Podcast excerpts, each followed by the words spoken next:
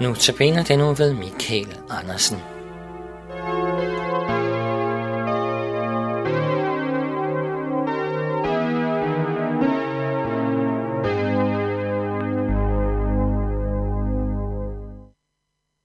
Vi skal i dagens andagt øh, se på Jonas, som er en profet i Bibelen, og en af dem, der har skrevet de kort, en af de korteste bøger.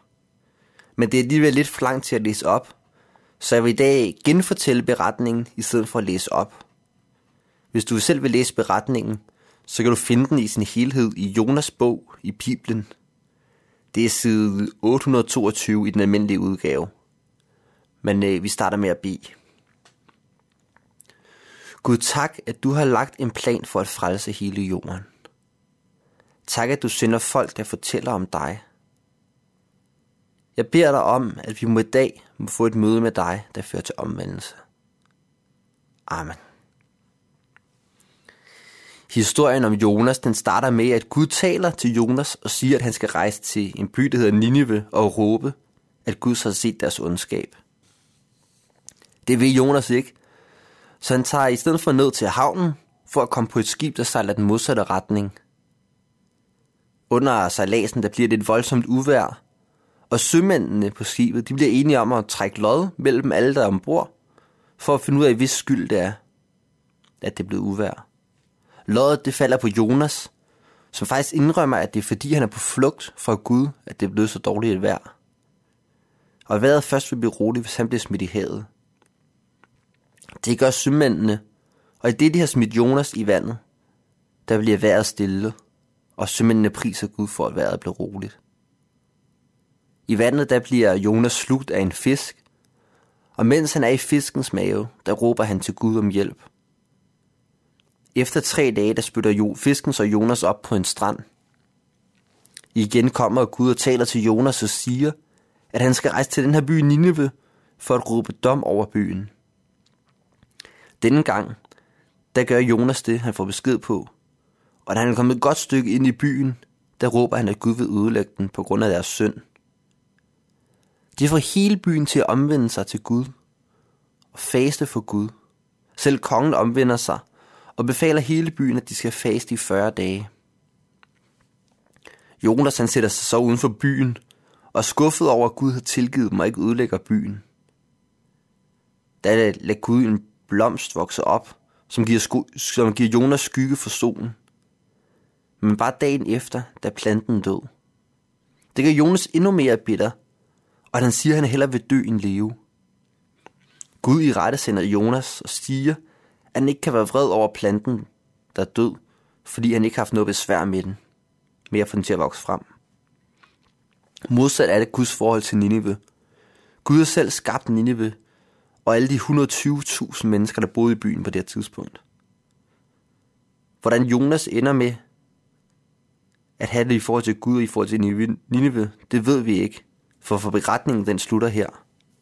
Der er mange forskellige tolkninger af afslutningen, men dem vil jeg ikke bruge så meget tid på, da det ikke fremgår klart af dagens tekst, hvordan det ender med Jonas. Derimod skal vi se på tre andre ting, vi kan lære af den her beretning om Jonas. For det første kan vi lære, at Gud har en plan for at frelse Nineve. Gud har skabt hver enkelt menneske i den her by, og han har omsorg for dem, og han ønsker, at de skal frelse. Nineve havde på Jonas tid flere indbyggere, end der bor i Frederiksberg Kommune i dag, så der virkelig taler om en stor by. Og hver enkelt menneske i den her by ønsker Gud at frelse. Hver enkelt menneske har Gud skabt. Og sådan en frelsesplan har Gud også for København i dag. Hvad enten du tror på Gud eller ej, så ønsker Gud at have fællesskab med dig. Sandheden er, at Gud ikke ønsker, at nogen overhovedet skal dø, uden at kende ham, for det fører til fortabelse. Derfor sender Gud Jonas afsted til Nineve for at tale hans ord. Også i dag bliver der sendt mange missionærer ud på jorden – nogle bliver sendt til fjerne egne af verden, og andre bliver sendt ud på arbejdspladser og studiesteder her i København. Hvis du ikke kender Gud, så håber jeg, at du i dag vil tage imod budskabet om, at Jesus frelster, ligesom indbyggerne i Nineve gjorde, da de begyndte at tro på ham. Og hvis du er kristen, så vil jeg udfordre dig til at overveje, hvem Gud har sendt dig til. Hvem skal du fortælle om Jesus og gøre hans frelse kendt for? Det næste, jeg synes, vi skal lægge mærke til i fortællingen om Jonas, det er, at historien stort set gentager sig to gange. Gud taler, Jonas handler, og mennesker kommer til tro på deres skaber. Første gang, så taler Gud, og så gør Jonas det modsatte, da han tager på flugt fra Gud. Og det ender med, at sømændene på skibet kommer til tro og priser Gud. Og efter Jonas så har været tre dage i fisken, der taler Gud igen. Den her gang gør Jonas, som Gud siger, og så kommer indbyggerne i Nineve til tro. For mig er det et vidnesbyrd om, hvor almægtig vores Gud er. Selvom Jonas vender sig væk fra Gud, så kan Gud alligevel bruge Jonas bare til at nå nogle andre. Det er forkert at handle mod Guds vilje, men Gud har magten til at vende det til noget godt, hvis vi gør det alligevel. I Jonas' eksempel, så vender Gud det til at nå de her sømænd med evangeliet. Det synes jeg er et fantastisk billede af Guds magt og Guds vilje til at frelse. Jeg tror, at Gud har lagt en plan for, hvordan mennesker skal frelses. Han brugte Jonas til at nå sømanden på skibet og til at nå indbyggerne i Nineve, og selvom Jonas i første omgang ikke gad at følge Guds plan. Det sidste, vi skal se på i den her tekst, det kræver en lidt større teologisk udredning end de første to ting, der fremgik ret direkte. Jonas, han var tre dage i fiskens mave, inden han gik til Nineve. Og i Nineve, der ender hans ord med at blive til frelse for alle byens indbyggere. På den måde er Jonas et forbillede på det, som Jesus gjorde for dig og mig mange år senere. Jesus var også fanget i mørkets dyb i tre dage. Han lå i en grav. Men efter hans opståden fra graven, bragte han frelse til alle de mennesker, der hørte på ham. De mennesker, der tager imod Jesus ord i dag, de er ligesom dem i, dem i Nineve, der hørte på Jonas og omvendte sig. De blev reddet fra den straf, der skulle have ramt dem. Og omvendt havde Nineves indbygger ikke taget imod Jonas' ord om, at Gud vil straffe byen, så havde han til intet gjort den.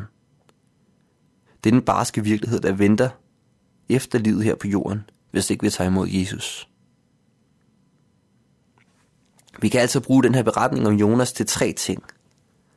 For det første, at Gud har en plan for at frelse sin vær. Nineves indbyggere, dig og mig. For det andet, så kan minder den os om, at Gud bruger os til at give frelsen videre, og han er mægtig nok til at bruge os alle sammen, om vi går med på hans planer eller ej. Og sidst, så minder den her beretning om Jonas os om, hvad Jesus har gjort for os. At han gik i døden og lå i graven i tre dage, for at kunne bringe os det gode budskab. For ligesom Jonas blev spyttet op af fisken, mave, sådan stod Jesus op af graven efter tre dage. Jonas han var kun billedligt talt død, da han lå i fisken, men Jesus døde rigtigt. Og Jonas kunne kun indirekte frelse Nineve ved at tale. Det var Guds endelige beslutning, om byen skulle frelses eller ej. Men Jesus han er selv dommer over levende og døde. Og det er ham, der endeligt kan frelse os, hvis vi tager imod ham.